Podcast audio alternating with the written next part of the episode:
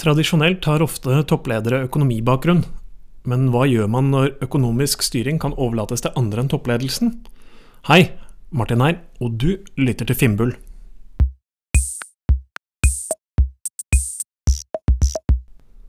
Jeg har ikke sett på statistikken når jeg hevder at toppledere ofte har økonomibakgrunn, men det er neppe en overdrivelse, siden økonomisk styring av virksomheten er sentralt i ledelse. Jeg våger å påstå at fremtidens toppledere må ha solid teknologisk forståelse, og ikke bare økonomisk forståelse. Økonomisk styring av virksomheten kan i stor grad overlates til andre, mens teknologiske beslutninger ikke kan det. Og jeg skal forklare hvorfor. For stadig flere bedrifter, kanskje alle bedrifter, er verdiskapingen i bedriften avhengig av riktig bruk av teknologi. Ingen bedrifter er teknologibedrifter, men alle bedrifter bruker teknologi for å levere verdi for seg selv og for sine kunder.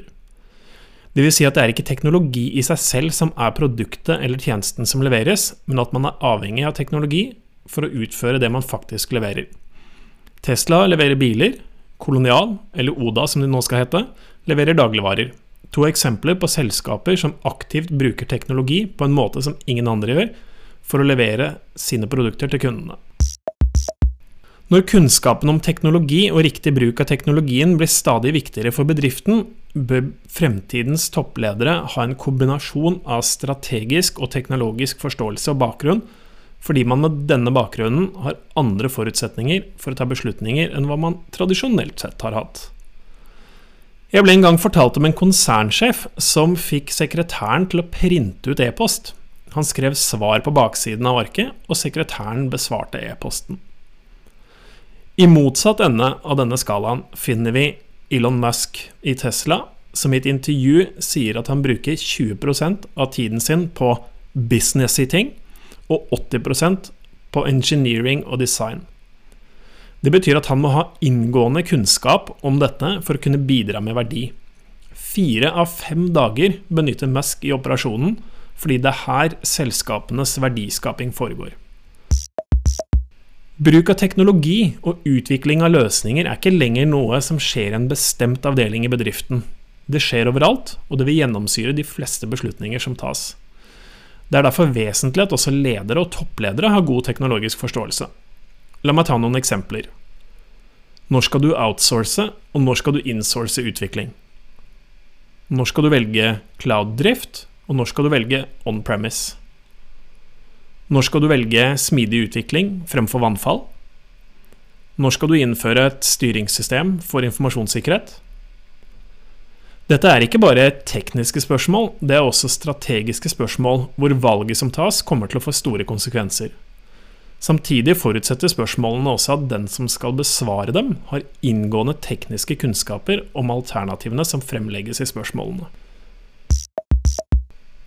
Førsteamanuensis Espen Andersen ved Institutt for strategi på BI går så langt som å si at skjønner du ikke teknologi, kan du ikke være sjef, i et intervju i Dagens Næringsliv. Selv er jeg litt mer pragmatisk.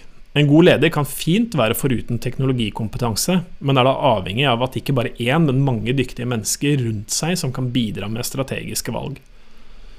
Dyktigheten i lederrollen blir da å anerkjenne at man er avhengig av strategisk teknologiforståelse, og omgir seg med mennesker som har det.